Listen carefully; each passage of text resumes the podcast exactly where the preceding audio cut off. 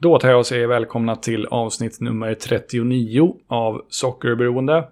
Sveriges kanske enda podcast om nordamerikansk fotboll.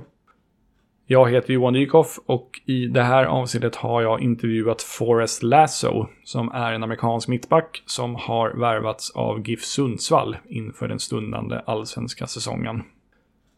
Forrest är 28 år gammal, fyller 29 om några månader och är född och uppvuxen i Raleigh, North Carolina. Han berättar i intervjun att han har spelat fotboll i princip sedan han lärde sig gå. Detta trots att hans föräldrar inte hade någon som helst koppling till sporten. Mellan 2011 och 2014 studerade Forrest på Wofford College i South Carolina. Och där spelade han även collegefotboll med stor framgång. 2015 tog den professionella karriären vid och han har sedan dess representerat Charleston Battery, FC Cincinnati, Nashville SC och Tampa Bay Rowdies. Med undantag för första halvan av säsongen 2019 då FC Cincinnati hade börjat spela i MLS har Forrest alltid hållit till i USL Championship. Och där har han haft stora framgångar. Exempelvis har han fått priset som Defender of the Year i USL Championship tre gånger. Inför årets allsvenska säsong flyttade Forrest till GIF Sundsvall på fri transfer och han har skrivit på ett treårskontrakt med Norrlandsklubben.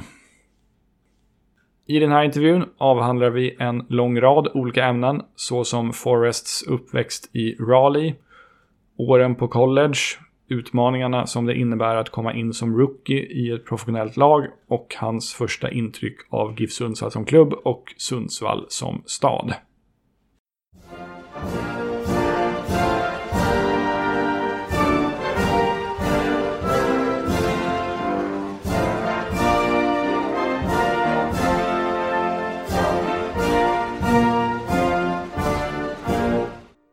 So to start off, uh, can you talk a bit about your childhood and also like when and how soccer became an important part of your life? Yeah, so uh, I mean, I've been playing for as long as I can remember. I mean, since I can was able to start walking. Uh, I grew up in Raleigh, North Carolina. Um, my dad was from Gulfport, Mississippi, or the south of Mississippi, my mom was from outside of Atlanta. Uh, so they both grew up in the southeast. My dad uh, actually had never really seen the sport um, growing up. He didn't really know what it was in, in that time and in that area. It was either American football, basketball, or baseball. Uh, kind of similar to my mom being from uh, metropolis like Atlanta, though she she kind of knew what it was, especially having the World Cup there mm. uh, in '94. But uh, growing up, um, and this is obviously what my parents told me because I, I don't have the memory to to recall all of it when I was four or five years old. But apparently, as soon as I started walking, I wanted to start. I wanted to start playing. I, I apparently asked my parents to sign me up for uh, the local team or whatever it was, and and kind of similar to how here, similar to how it is here in Sundsvall or Sweden. It's you know you have your your local clubs or your city clubs. Um, I, I was signed up just for a, a recreational league uh, and, and, played that for a few years. Uh, and then as I think once I got to lower school or elementary school, which would have been ages five, six, uh, all the way up to age nine, I played for essentially my local neighborhood team. I had a, uh, a neighbor down the street whose dad was the coach. And once they knew that I liked to play, he told me that I should sign up for his team. And again, this was still just the kind of the bottom level recreational. Mm. Uh, and a, after a couple years, and in this age, you, you, can kind of tell too who who understands the game or who who's we'll still say enjoying it more than others. I, I can remember games that were nine one or 13-1 and and I would have eight of the goals or twelve of the goals, and uh, and at the time, both my, like I said, my parents didn't really know what football was or, or soccer, and they didn't really understand uh, the path that I needed to take or the trajectory of of where a youth career should go. Uh, but all other parents were like, "Hey, you know, your your son's a little bit better than than ours. Maybe you should you should go, you know, have them try out for one of the the competitive teams." Um, and granted, explaining this, I actually did a podcast a week or so ago, so hopefully I'm a little bit more familiar with the terms. The as you can, you're well aware the the soccer landscape in America has changed and evolved drastically over the hmm. past mm. 5, 10, 15 years. So when I was growing up, we, we didn't have the MLS academies, we didn't have the youth academies. You had your local clubs that had uh, all the levels of competition from from the bottom rec league all the way up to what you want to call classic or travel soccer, mm. um, being the most competitive youth game. So I was going into fifth grade. I was 10 years old, and my parents found uh, the most competitive or the the top team in the area that had tryouts, and I went out and tried out for them. And the club was CASL, which is now uh, North Carolina FC, who has uh, the NC Courage, the women's professional side, and then the men's team, obviously. Mm. Uh, but I tried out for CASL. They had three teams um, uh, Elite, Premier, and United, with Elite being like the top team, the the A team. And uh, I made the B team that first year when I was 10, 11 years old, and and obviously was you know over the moon about it, super excited. Uh, I ended up playing for that club all the way up until I went off to college when I was 18.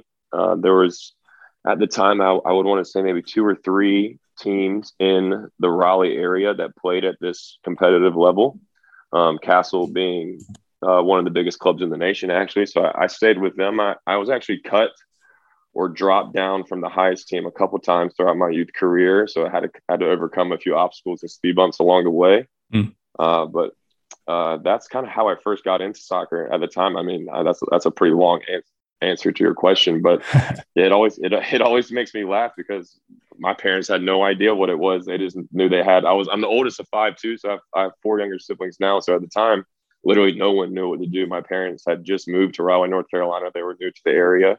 They just had their first kid who apparently liked to like kick balls around the house and was causing trouble. So they signed me up for uh, for soccer, and then the rest was history. Yeah. Um, what uh, what are like the biggest biggest sports and the most popular teams in Raleigh, North Carolina?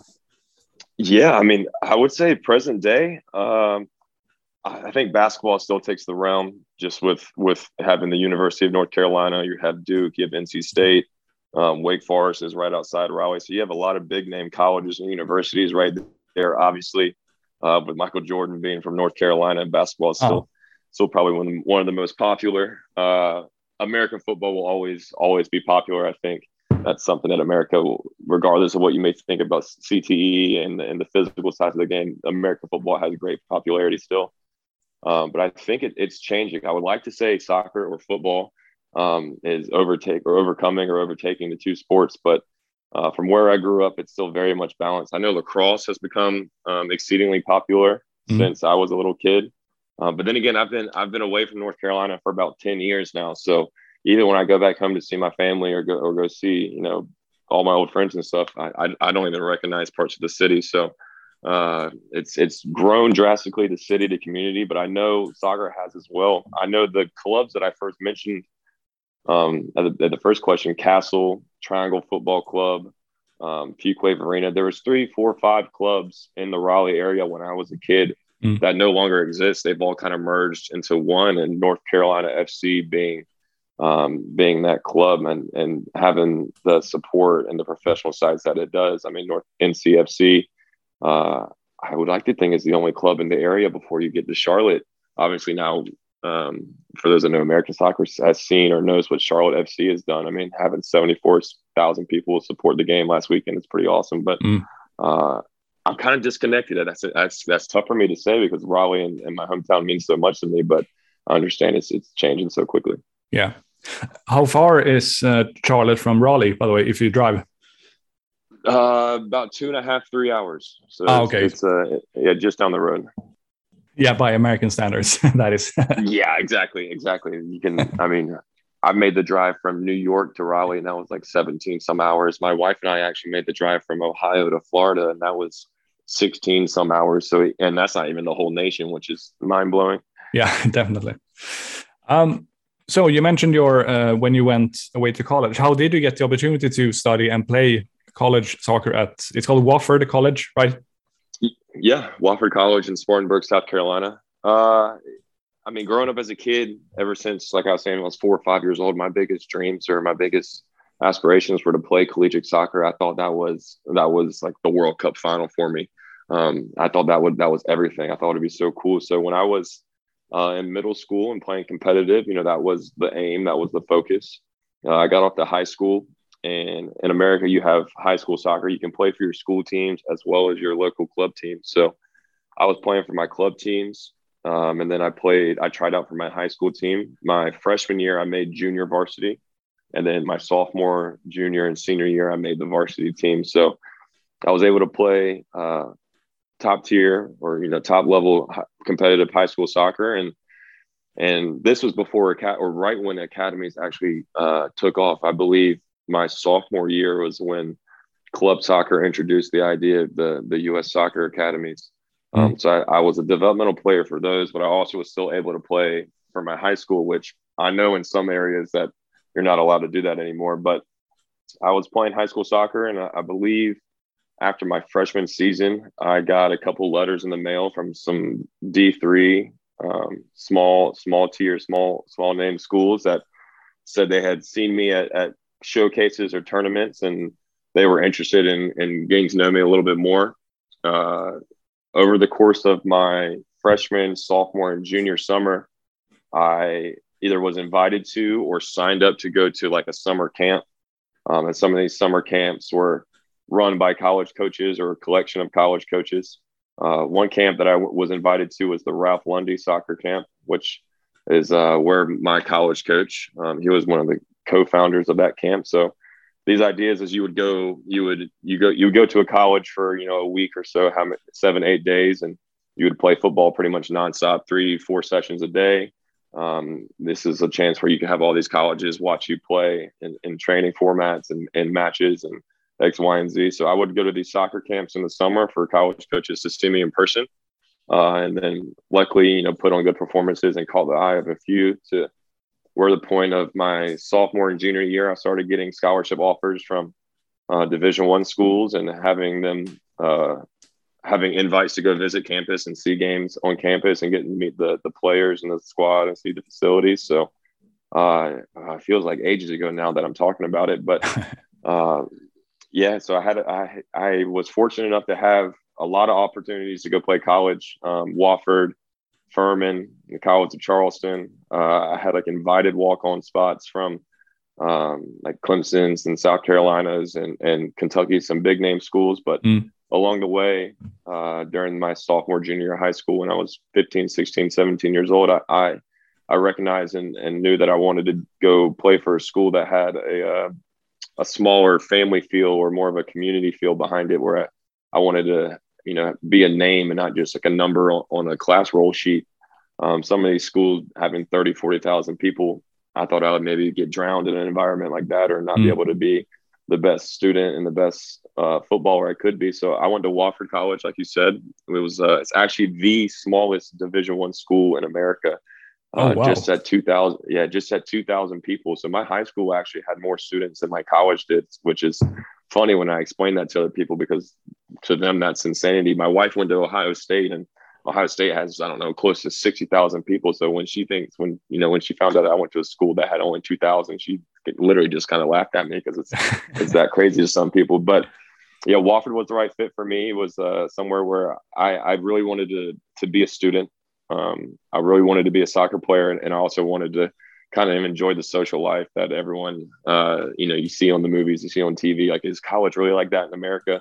Uh, in parts, of course, it is. But for me, I wanted to, to to triple dip, if you will. I wanted I wanted to get all three. I wanted to go somewhere where my education was important. I wanted to go somewhere where I could compete at the highest level football wise, and then I wanted to go somewhere where I could also have a social life and, and, and be a normal college student. So Wofford gave me that opportunity, and uh, yeah, obviously got me where I am today. So I'm very thankful. Yeah. So w- when you came to Wofford as a freshman, uh, were you aspiring uh, at that point to become a professional soccer player in the future?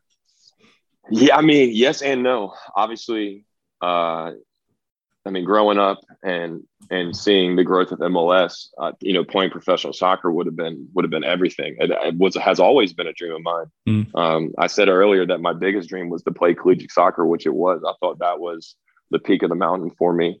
Um, and then, you know, as I kept progressing and kept receiving awards or accolades or giving these opportunities, I was kind of like, oh, maybe, you know, maybe I do have what it takes.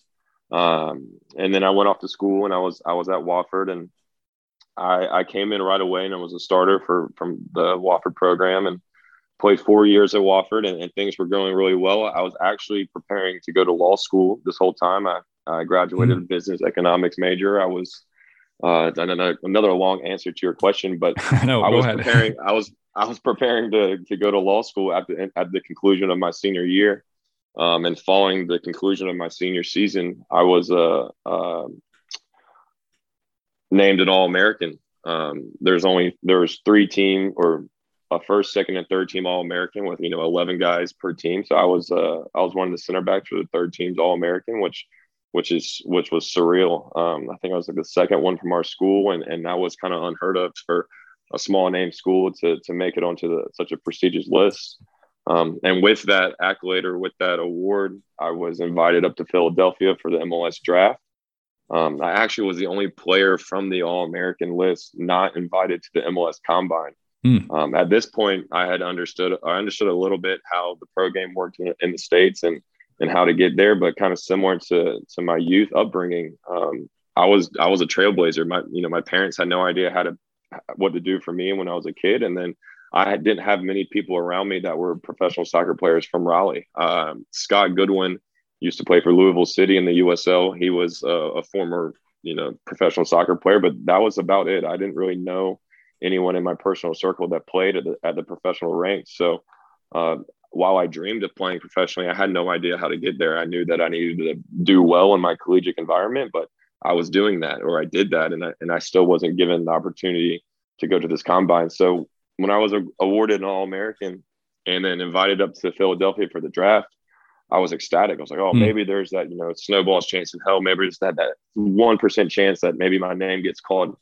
Um, obviously or unfortunately, I wasn't drafted. Um, and I, I re- remember returning to school at the end of December, um, about to go into the the spring of my final year of college. And I was like, okay, well, you know, I gave it all, I gave it everything I could. I gave it, you know, everything, every, every bit of me. Um, but now it's going to time to continue for law school. And then about two weeks into January, my college coach call, called me and said that uh, three or four second division teams. So this was the USL had contacted him and asked me, asked him if I had an agent and if I wanted to pursue professional soccer. And he called me and, and told me about that news. And I was like, well, of course, like I never in a million years would I have thought I had the chance to play pro ball. This is insane. Like I had, I was, you know, I was still on cloud nine. I was still blown away by the fact that I was just even an all American. So now mm-hmm. that the chance that these pro teams wanted to have me come down and, and train with their teams for the weekend, it was crazy to me. Um, so I, I think that next weekend I went down to Charleston for the Charleston Battery and and trained two, three, four days of the guys they had on the roster at the time. And uh, about that was Friday to Sunday. I, I, and I remember remember the coach asking me to stay for a couple more days because he wanted to evaluate evaluate me or compare me to the rest of the guys. But uh, being the student that I was, I was like, I have to go back to school. I can't I can't miss class on Monday morning. You know, that's that's that's priority number one for me. Um, and I, I remember his face because I'm sure he thought I was crazy, but mm. uh, my academics were still very much important to me and very much a priority. So uh, we ended up having conversations for the next day or two, and I was uh, in my apartment at school doing some homework, studying for an exam, I believe, and I got a call from the assistant coach telling me that they had a contract for me and that if I wanted to accept it, obviously I could. And, and that's uh, after, you know, a day or two talking things through with my loved ones, I uh, accepted that contract, and that's when the professional career started. Huh! Wow, that's some story. Uh, do you uh, remember it? That was crazy. Yeah, I can imagine. Do you remember it as being uh, like a difficult transition uh, coming into a professional environment environment from college and uh, being a being a rookie? Yeah, no doubt. It definitely was mm-hmm. for me personally. I know um, and then, and goes back to what I said kind of the beginning is the soccer landscape has evolved so much over the past years where I know a lot of these collegiate programs um, are doing a great job of funneling or preparing players for the pro ranks. But for me, coming from from from small Wofford or a smaller school that didn't have many players or didn't have any players uh, make it to that level yet, we didn't really know, you know, how to best prepare or, or handle that. So um, I was very much still, uh, uh, just frankly put, probably immature um, raw college player who mm-hmm. had a lot of learning and growing up to do. Um, my game had had a. I mean, I'm still developing to this day, but I, I can think back to my first year, my rookie year, and and obviously being my size and having my physicality, you know, that, that part of my game was was evident and, and obvious. But there were parts about the pro game that you know I had to adjust to. And you know, this was my living now. Um, obviously, I still have fun when I do it. That's the whole reason I do it. But at this point, this was putting food on my table and a roof over my head. So um, you never want to lose, but when when you start throwing those elements to the game, it definitely makes things a little bit more heightened. Uh, so yeah, I, I was I played eight or nine games my rookie year. I was hmm. really fortunate to, to sign with the squad who had uh, two experienced center backs um, playing in front of me, Taylor Mueller and Sean Ferguson. Taylor Mueller, I believe, may hold one of the USL records for like most games. He's he had a 10, 11 year career here in the US. Um, but I was I was young. I was 20, 21 years old, and I had guys that had four, five, six years experience at the time in the USL and, and had great success doing it. So I uh, I learned a lot from them. Um, my first, like I said, my first year, I only only played a handful of games because we had guys in front of me that that were were excellent at their jobs, and and whether I saw it then, I definitely see it now. You know, I, I wasn't ready mm. um, entirely to to take that role on. Uh, I was with Charleston for three years, and then my second and third year, uh, pretty much was starter week in and week out. Uh, so my first year, uh, this is this is why coaches get paid the big bucks and they get to do what they do. But I guess my coach saw that and knew that I needed a, needed a year of adjustment or learning and development, and and it, it was definitely tough. I was still actually in school that first year as well. I, I just briefly mentioned it, but when I signed uh, or when I was going through negotiations with the Charleston Battery, one of the things that was super important to me was finishing my college degree. So uh, from January till May, I uh, I would go to class, or excuse me, I would train Monday morning in Charleston. And Charleston is Spartanburg, South Carolina, was about a three hour drive, uh, kind of equal distance from Charlotte and Raleigh. It's not not a terrible drive, but still about three hours up the road. So mm.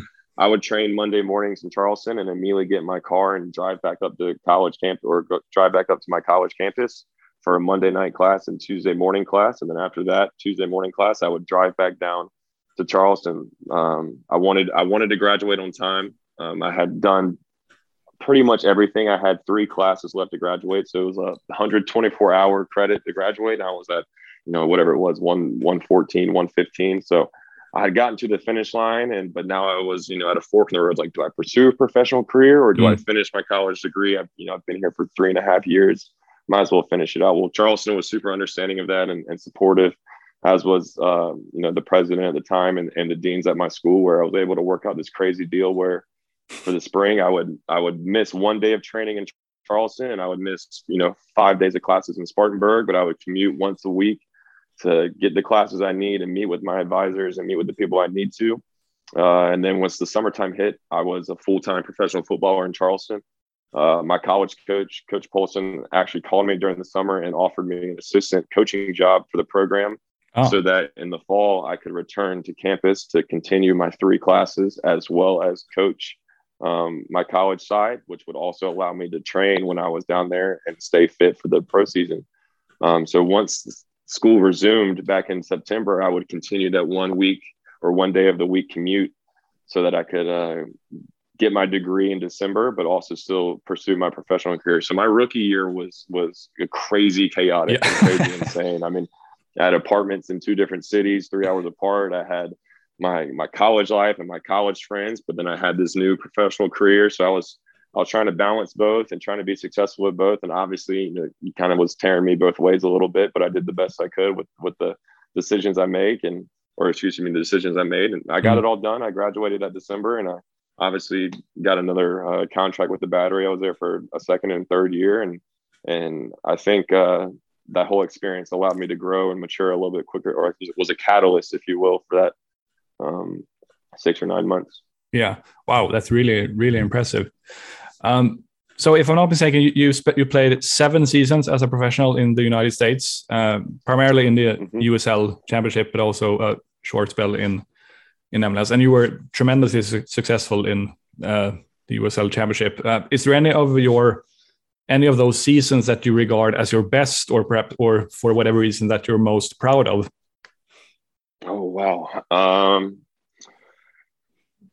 they were all really special in their own way. Obviously, my rookie year, we just kind of explained in detail. Mm. My second year um, in Charleston for me was was was really important. Obviously, that was the first time where I was, uh, you know, a starter and I, ha- I had a, a, significant role in a squad. Um, that next year in Charleston was the first time I was awarded uh, USL Best 11. So that mm-hmm. was for me where I saw that I can, I was continuing to develop. I was continuing to take steps forward as a player and in my career. Um, and going off to Cincinnati was was a huge moment for me. Obviously, having thirty thousand people every single weekend was was something I had never been in front of before. Uh, so being able to be uh, uh, you know, a key player in that system and, and that squad in front of that support. Uh, continued to make me grow and develop. Uh, had that little hiccup, um, short MLS stint, and then went on loan to Nashville, and and that was a I learned more about myself as a person and player during those six months than I have uh, probably in the entirety of my life. Um, you know, I was kind of put in the corner and, and faced with the you know you you you you reach the peak you reach your highest point but is this is this going to be it and of course there was more to it but i went on that short loan to nashville and played 13 games and made usl best 11 again so that was that was not shocking by any means i, I have the utmost confidence in myself but mm. When i played 13 out of the 32 or 34 games and was able to be selected to the best 11 based on my performances i was like okay um, you know, kind of like pick yourself back up and keep going. You, you, you, can you can keep proving people wrong. Um, and then joined Neil Collins and the Tampa Bay Rowdies and had two really good years with them as well. Um, and coming off, you know, a couple of defender of the years, it was it was something for me where, uh, do I have a best? I mean, that's that's a great question. I think each year, I, I can't tell you. I've been I've been so fortunate, and so lucky to be on so many special squads with a lot mm. of great guys. Where that 2018 year in Cincinnati when I won Defender of the Year the first time. I mean, I was surrounded by Manu Ledesma, Justin Hoyte, uh, previously you know part of the Invincibles with Arsenal, uh, Richie Ryan. I mean, Declan Cannon. I was I was with guys that had played at the top level all across the world and been enormously successful. So for me, being a young American center back who was having success, and I was sharing the pitch with guys that had been all around the world doing it. I mean, that was that was wild to me. And then like I say, you know, the MLS year happened and then went on loan and then, you know, got dropped back down to the USL and it was with Tampa, but then continued to have success and continue to, to excel myself where each year kind of had its own best moments. Um, I'm going to give you a terrible cliche answer to that, but I think my, my best year is still yet to come. I like to think that, uh, I mean, age is just a number. I still feel like I'm a rookie right now, but I know that I have going into my eighth year and I have a little bit more experience under my belt. But for me, it's just been uh, one day at a time. So I can't even give you an answer. I know that's terrible. I know it's terrible. Oh, that's um, fine. I would probably have to say, yeah. In t- 2018, we also won a regular season championship, and then obviously with the Rowdies, we had back-to-back Eastern Conference championships. So it's tough, man. I uh, I can't give you a full answer on that. I'm sorry. I, I understand, and I, am I'm, I'm sure the Sundsvall supporters are happy to hear that the, the best is is yet to come for you. Uh, by the way, speaking of your time in um, in uh, Cincinnati, so you signed with them in late 2017, and then in May it was announced. May in 2018, it was announced that they would join uh, MLS the next season.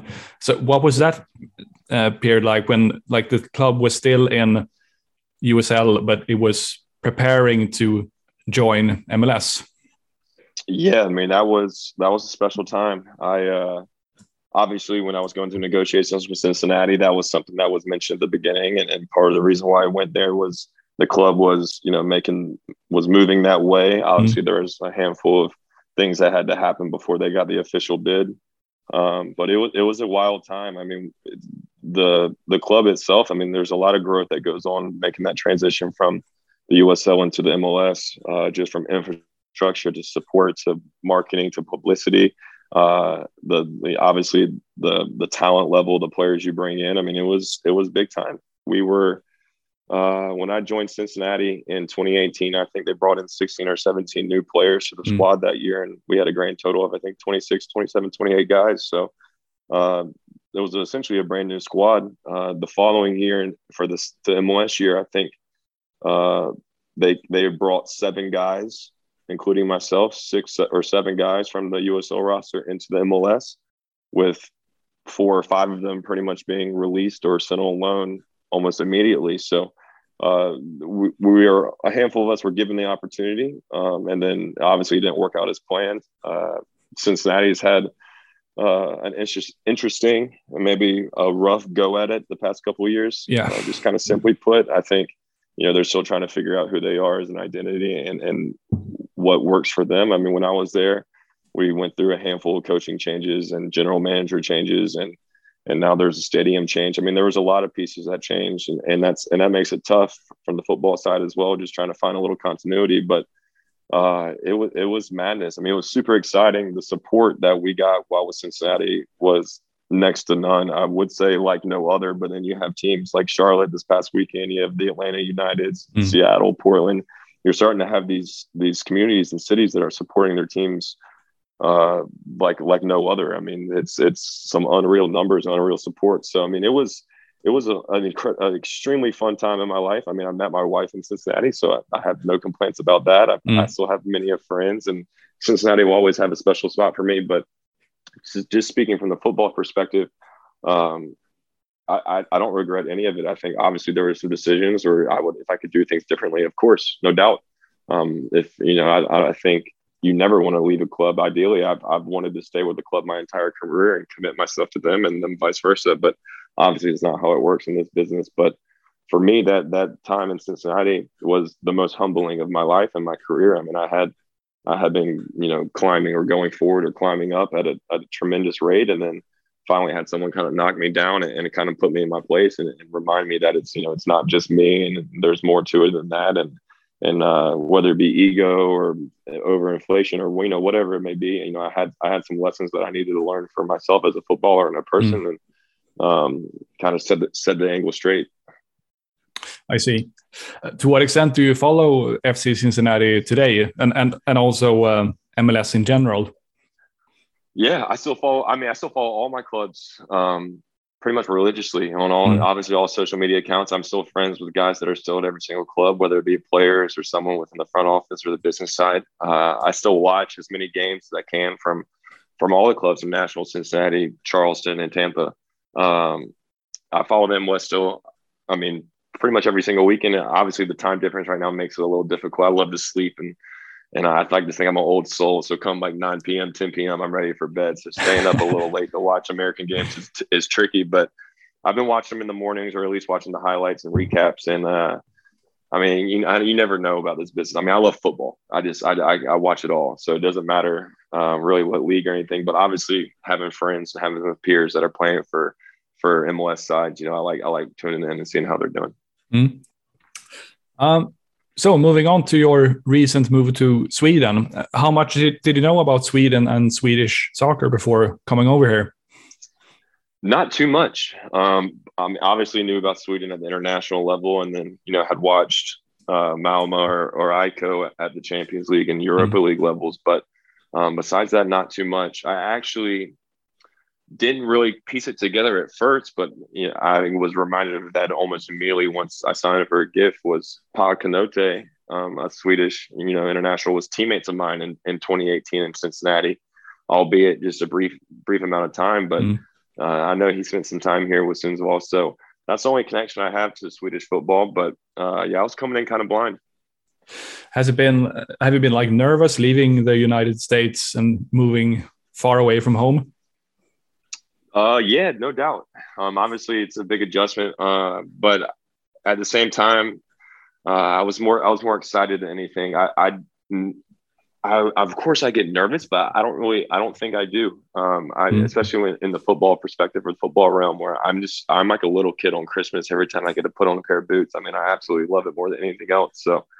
It's always been a dream of mine. I mean, I, I kind of contradict myself when I say that because I said my dream was playing collegiately and then professionally in MLS and now in Europe. So obviously my dream my dream has evolved over the years, but I think every kid in America wants to play professional soccer, and every professional soccer from America wants to get over to Europe.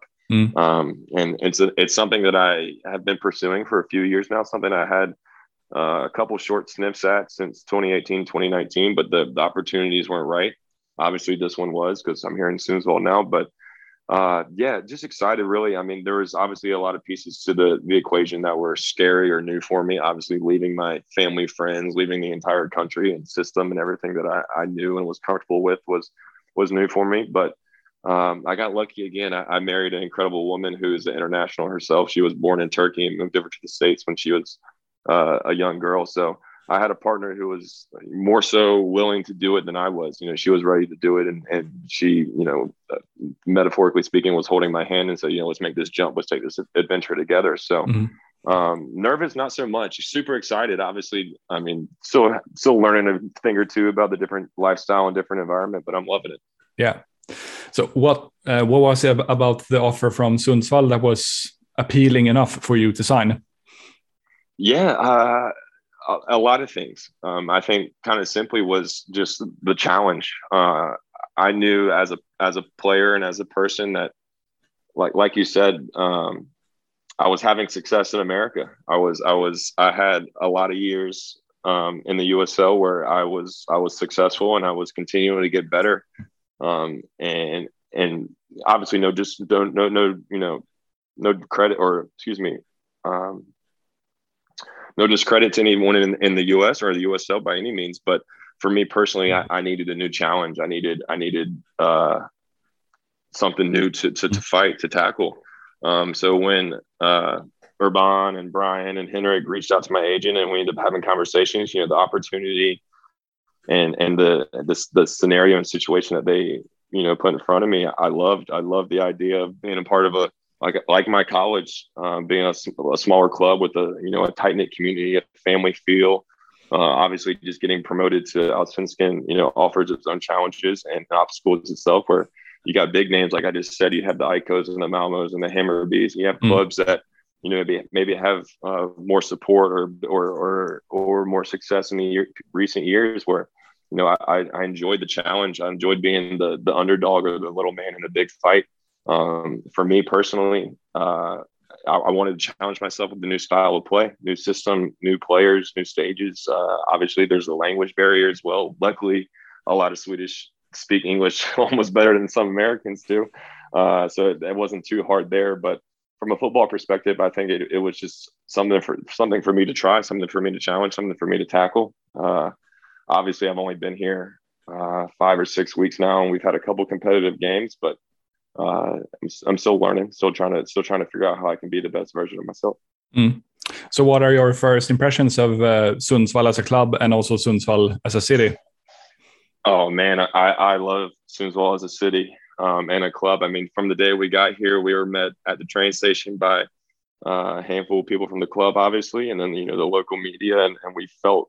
I mean, literally, as we stepped off the platform, they were right there, and, and we could feel the love and, and the welcoming parts of it right away. Um, still to this day, we'll we're, we'll walk down, you know, Storgatan or the city streets and have people recognize us. Obviously, I think with my long hair and beard, Uh, my size, I think I stick out like a sore thumb. We both have two dogs that are apparently more popular than we are, so I think people recognize us from that regard. But uh, you know, having people recognize my wife or recognize me and and welcome us and, and ask us if we need anything, I mean, it's it's been so incredibly humbling and, and really does make us feel special. Uh, from a club perspective, I, I mean, the club's been incredible. Mm. Urban, Henrik, Brian. I mean, I could literally name as many people part of the front staff and from the office that have made us feel like you know we're one of Sundsvall's own. Excuse me, but um, it's hard for me to give a, a, complete answer to that just because we haven't even started league play yet. It's it, it's been a little teasing. Obviously, the weather has been a little cold and we haven't been outside as much as we wanted to. But uh, it, I can't wait to play in the arena and, and, see all the supporters and get a feel for the energy. I mean, just today, uh, we we had to go to the bank for an appointment and you know, two of the people at the bank that were helping us out were you know season ticket holders and big time supporters, and we were talking football right then and there. so like to have to to be in a city and to be in an environment where football is the culture and is the life, especially a smaller city like Sundsvall. I mean, it's awesome. It's it's every footballer's dream, and and to uh, just just to feel welcomed, um, especially coming in as an outsider. You know, I've been I've been the the new guy to a club many times now in my career, and and it's easy just to kind of be kept at that that outsider's distance. But um, we've really been treated like family, so I think it hopefully will transpire even more on the pitch. Mm. As you mentioned, you've changed clubs a few times previously in your career. What are, in your opinion, some of the like most important things to, to do and keep in mind when you arrive as a new as a new player at a club? Yeah, it's a handful of things. I think it goes mm-hmm. back to how I was being raised. I mean, first and foremost, I think it all starts with respect. I mean, you got to know as an outsider, you're joining a club, you're joining a city, you're you're joining a group of guys that you know have been together here with with Sundsvall. You know, we have 15 odd so guys that are all from Sundsvall, so they've been playing together essentially their whole life. They know each other, they know each other's families. Um, a lot of these guys were on the squad last year, and and you know put in the work to get the team promoted to Allsvenskan. So you know, coming in as one of the two internationals in the squad, I mean, I, I first and foremost, I had to respect the group I was joining. Um, I mean, I think that's an obvious, but then there's the other side of it where you know you you got to let it happen organically. Um, relationships with team with teammates, relationships with with the coaches, the supporters, the city. I mean, it's all got to be organic. You can't really force those things, in my opinion. So um, I, am a loud guy. I'm big. I'm an extrovert. I, I, I understand that and recognize it. I think I joked with some of the guys in some of the previous games where I said, "Hey, listen, I do a lot of talking on the field. That's part because I'm a center back, but it's also part of how I play." I was like, "You're going to be annoyed by my voice by the end of 90 minutes. Like, you're absolutely going to hate my voice, and, and that's okay. If, if you're annoyed with me yelling for 90 minutes, that means I did my job, and hopefully we got the result." Um, so obviously, you know, there's a little joking inside of there, but at the same time, I know that you know the style of player I am and the way I, I play can can sometimes be uh, you know an eye opener for someone that I like to think I, I play different than than anyone else. But um, just building those relationships and getting that trust and getting that respect from your coaches and your teammates, uh, it, it's it's something that takes time. It, it definitely doesn't happen right away, um, and, and it takes and, you know, it takes the highs and the lows, you know, going through a couple, you know, big results together. And then unfortunately, you know, you have to maybe lose a game or two or, or make a mistake, have a mistake happen or something where you can kind of see everyone's true character and, and just learn from that. Um, I've kind of learned over my career that you, for, in order for me to be the best teammate for my, for my teammates on the field is I need to get to know my teammates off the field. I need to know who they are uh, in the family setting, how they are, you know, away from the field. I like to mm. get to know my teammates as well as possible and get to know their families, their wives, their kids, um, because we're we're more than just a football player. I mean, obviously, football means everything to us. That's why we do what I do. What, or excuse me, what we do, what we do. But um, that's not all we do. So for me, I've just been trying to be the, the same outgoing, um, selfless, extroverted self, and and I think the the football side will, will show afterwards. Yeah, uh, speaking of uh, the language barrier, do you plan to take Swedish classes, or how? What What are your thoughts about? Of, as you said, English works. Yeah, quite, no, quite well in, in Sweden, but yeah, what are your thoughts about the Swedish language?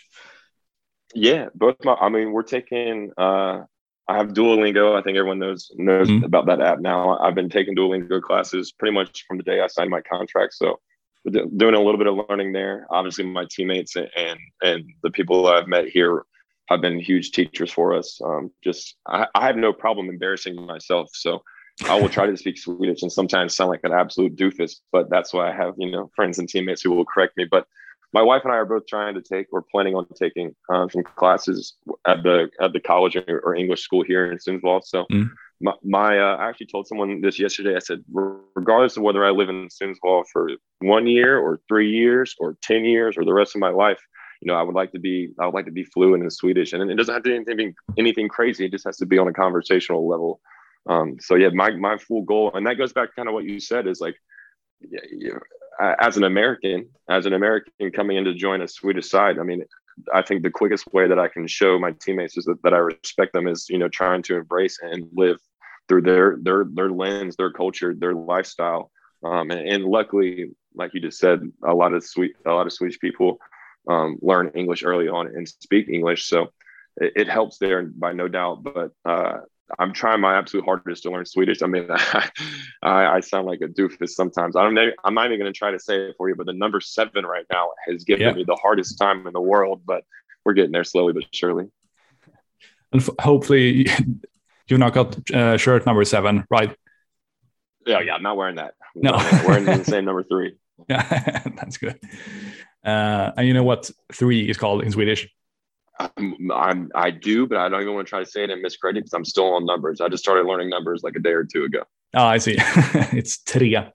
Tria, yeah. yeah. Tria. uh, two, three. Uh, yeah, yeah see, in time, in time, we'll we'll come back to it. There you go. There you go.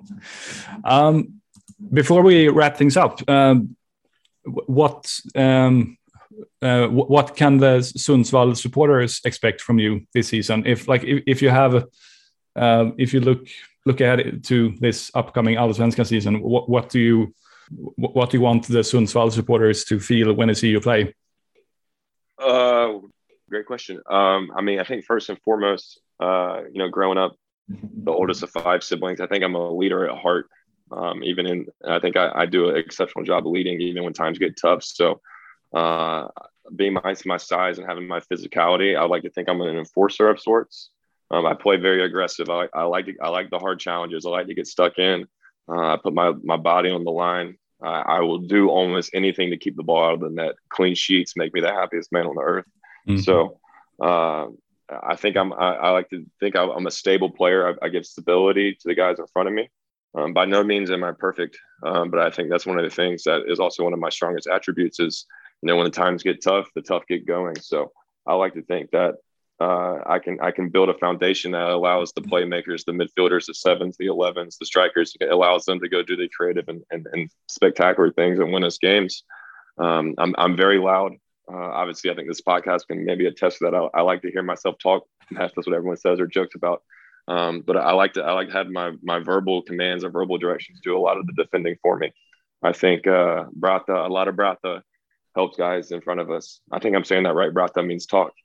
Yeah. Um, yeah. So a lot of talk, a lot of communication. Um, I, am a, I'm a I'm a loud player. Uh, I, I, play with a lot of, a lot of aggressiveness, but I also like to think that with that aggressiveness comes a, a sense of stability. So um, I think one of, some of the parts about my game too, obviously the aerial and physical side is, is speak for itself. But I think mm. part of the games that maybe people don't don't really notice as much because of my size is my ability to pass and my ability to break down things tactically. Um, I think I think football is a, is a chess match. Um, so sometimes you got to play with your head instead of your, your body, which is funny coming from a guy who's 196 centimeters. But um, I'm looking forward to the year, man. I, I that's kind of my perception of how I play, but obviously, uh, I think actions speak louder than words. So, you know, who knows? Maybe we can connect in 10, 15 games time and see what people think. Yeah, hopefully. Now that um, Linus Hallenius was unfortunately injured, the I, I can imagine that the team needs some more like leadership from other players. Yeah, no doubt. That's that was a heartbreak. Um, mm. That was uh, one of my first, you know, couple days here when when Linus went down at ICO on the road, and and you know, just getting to know him a little bit and, and hearing what I have from other guys. You know, he was a big piece to to what we're building here in Sundsvall. But uh, we're hoping for a quick and speedy recovery from him. This guy takes care of his body better than most people I've ever seen. So mm. I have a good feeling that he'll be back quicker than people expect. But yeah, I think uh, kind of they kind of coincides or ties to your question earlier that uh, the player I am comes with you know building res- building respect and building trust for my teammates. But I understand that you know in this game, it's it's win or lose. No one likes to lose, and everyone likes to win. So I'm going to do everything I can to help Sundsvall win, and and whatever my role or job needs to be to help the team succeed.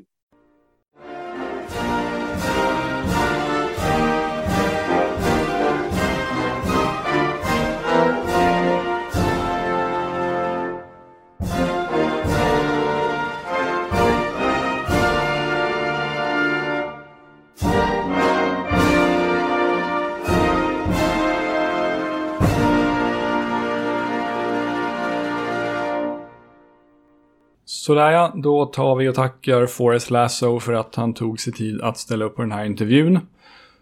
Eh, jag hejar ju som vissa av er kanske vet på Hammarby, men trots det så vill jag önska Forrest ett stort lycka till nu den kommande säsongen i Allsvenskan, för det är alltid kul när amerikaner gör bra ifrån sig i Sverige tycker jag. Tack så mycket för att ni har lyssnat. Håll utkik efter fler avsnitt. Jag kommer att spela in ett till avsnitt nu senare den här veckan om allt går som det ska. Vilket ska bli jättekul. Ta hand om er. Skänk lite pengar till Ukraina om ni har möjlighet. Och vi hörs igen framöver. Tja tja!